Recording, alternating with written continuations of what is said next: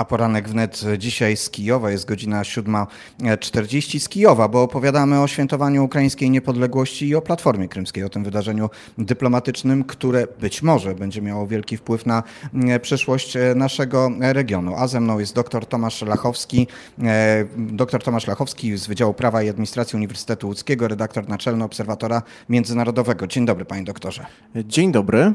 Pan doktor jest w Kijowie i mam tę możliwość, że wykorzystuję, a może nawet nadużywam Pana obecności w Kijowie i kolejny raz zapraszam na naszą e, antenę. No ale przecież Pana obecność jest też związana e, właśnie z tymi wydarzeniami, z obserwowaniem tego, co się e, wydarzyło. Może zacznijmy od świętowania ukraińskiej niepodległości. Obserwował Pan to wczoraj bezpośrednio, miał Pan okazję zobaczyć też te przelatujące samoloty. Ukraińcy potrafią świętować swoją niepodległość?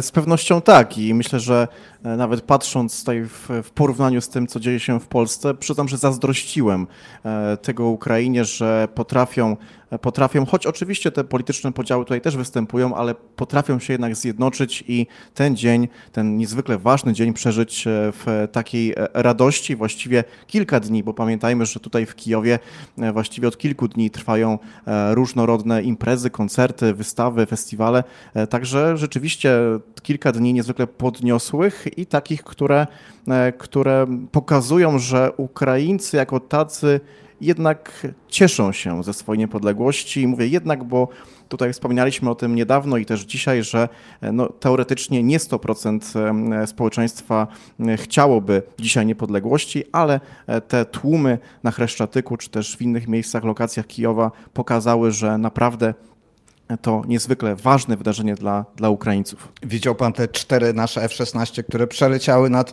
e, ukraińską stolicą? Tak, oczywiście widziałem.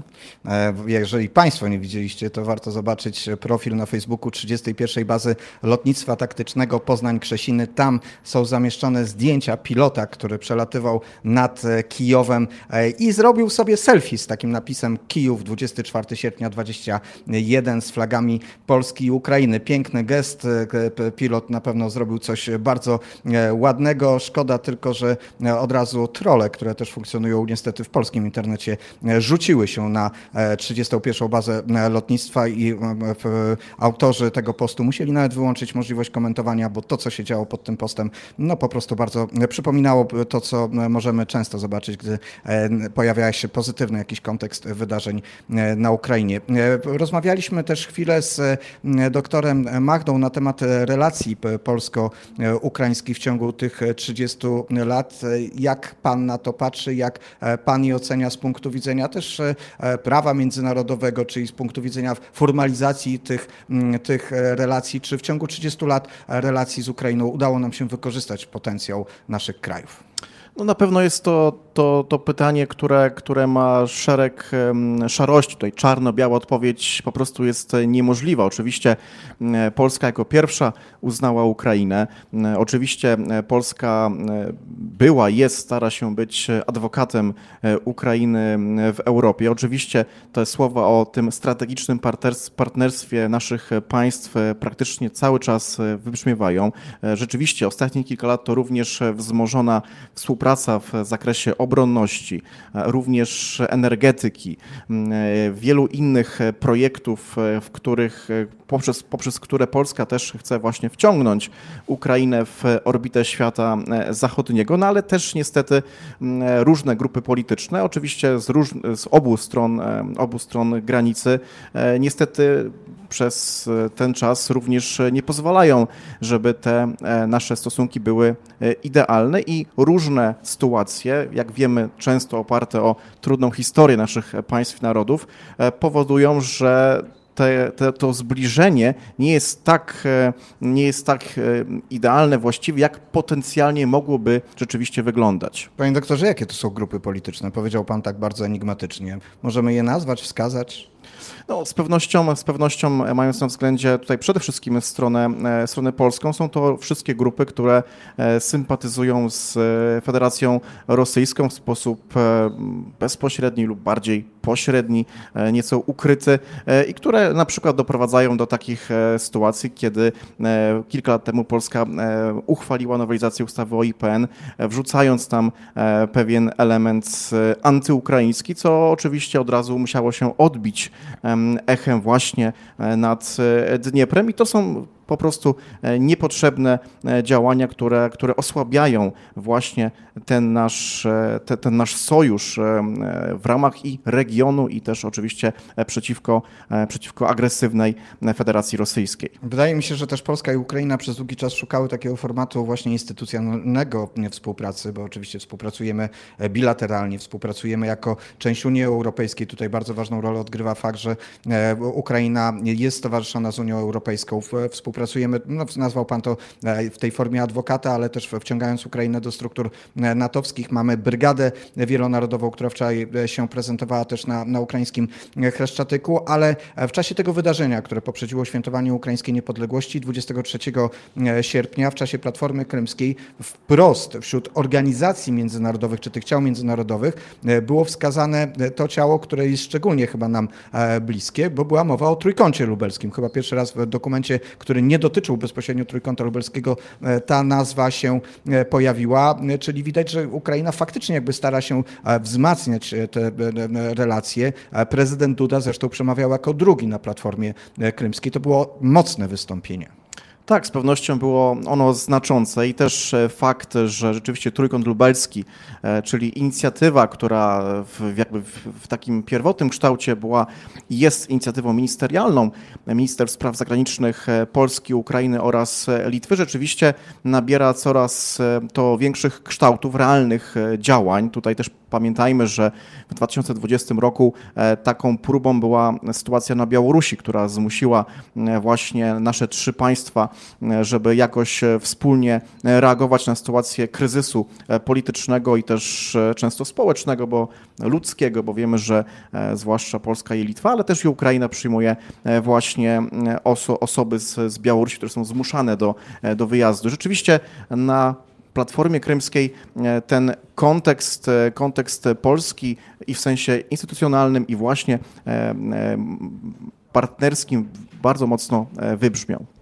E, jednak, e, bo dzisiaj mówimy i wiele mówiliśmy o tych sukcesach, e, ponad 40 państw i organizacji, instytucji międzynarodowych, które, udział, które wzięły udział w Platformie Krymskiej, ale E, wyraźnie też zabrakło tych największych e, graczy. E, Platforma rozpoczęła się od wspólnej konferencji prasowej ministrów energetyki. Był minister energetyki Niemiec, ale nie było przecież Angeli Merkel, która przyjechała do Kijowa dzień wcześniej. Czy jednak tutaj Ukraina nie doznała dyplomatycznej porażki? Pytanie, czy porażki? Myślę, że mm, oczywiście to nie, było, to nie było to osiągnięcie, które e, Ukraina oczekiwała, bo z jednej strony rzeczywiście e, o tym, o tym też, też mówił pan dr Jefen Magda, że rzeczywiście obecność 46 państw i organizacji międzynarodowych, włączając w to jednak e, Stany Zjednoczone, Niemcy i inne państwa pokazują pewną jedność, ale rzeczywiście już patrząc na to z perspektywy takiej bardzo konkretnej, szczegółowej, no to rzeczywiście ranga e, tych państw na spotkaniu była znacznie niższa niż, niż to ranga głów, głów państw czy też, czy też szefów rządów. Z pewnością jest to pewien przykład, że Stany Zjednoczone oraz Niemcy jednocześnie angażując się w e, tę e, platformę, nie rzucają na nią e, wszystkich swoich sił, co oczywiście musi budzić pewien, być może lekki niepokój właśnie w Kijowie. Wspomniałem tę wspólną konferencję prasową ministra energetyki Ukrainy i Niemiec, która poprzedziła Platformę Krymską. Oni wyszli do nas, do, do, dziennikarzy i we dwóch rozmawiali na temat właśnie możliwości energetycznych. To było oczywiste nawiązanie do kwestii Nord Stream 2 i do tego układu amerykańsko-niemieckiego. No i tutaj nie wiem, czy zaskoczył, czy może właściwie nie zaskoczył tych, którzy powątpiewają w dobrą wolę Niemiec. Minister energetyki Niemiec Peter Altmaier, który zaczął przekonywać Ukrainę, że jej przeszłością jest e, zielona e, transformacja, że e, no i oczywiście stwierdził, że ukraińskie firmy są zainteresowane tą zieloną transformacją. No brzmi to co najmniej jak hipokryzja w sytuacji, w której Ukraina za chwilę może pozostać bez gazu, który będzie mogła zakręcić swobodnie Rosja, jak uruchomi Nord Stream 2. Więc oprócz tych deklaracji, jednak e, fakty, czy e, Ukraina znajduje się teraz w sytuacji, która e, ma zagrożoną to, to bezpieczeństwo, o którym mówił też dr Jewgen Magda, właśnie przez działania państwa, które powinno być sojusznikiem, czyli e, państwa e, niemieckiego. Z pewnością e, te najbliższe tygodnie, miesiące będą kluczowe dla Ukrainy, właśnie żeby móc zabezpieczyć swoją państwowość. Tutaj pan doktor Magda użył tego słowa, tego wyrażenia za naszą i waszą, za, za nasze i wasze bezpieczeństwo. I rzeczywiście bezpieczeństwo, suwerenność, niepodległość to dzisiaj w znacznej mierze niepodległość i bezpieczeństwo energetyczne. Jest to, jest to, rzecz, jest to fakt. Dlatego też e, wydaje się, że tutaj zwłaszcza nasz region, który bardzo dobrze rozumie tę sytuację, e, na pewno wesprze Ukrainę w, w, staraniach o to, żeby jednak zapewnić to bezpieczeństwo energetyczne, a na pewno e, tego typu wypowiedzi czy też działania tę kwestię osłabiają. Tak sobie myślę, jak bardzo się różniła retoryka zaprezentowana przez Niemcy i przez Polskę. Wczoraj miałem okazję rozmawiać z wysokimi, wysoką rangą dyplomatami e, ukraińskimi, ale to była rozmowa nieoficjalna, więc nie mogę powołać się na nazwiska, ale oni byli wprost zachwyceni tym, że prezydent Andrzej Duda, rozpoczynając i kończąc swoje wystąpienie na Platformie Krymskiej, e, e, użył sformułowań w języku ukraińskim. Mówili, że to też taki wielki gest, który oczywiście oni zauważyli, coś świadczy o tym, że i raz, że obserwowali oczywiście wystąpienie polskiego prezydenta, ale też jaką przywiązują wagę do e, naszych e, relacji. Szkoda, że te relacje e, z Niemcami może wyglądały trochę inaczej. Ja pana doktora Lachowskiego na razie z naszego kijowskiego studia jeszcze nie wypuszczam, zostanie ze mną, ale posłuchajmy teraz piosenki Skaldowie, Wspólny jest nasz świat.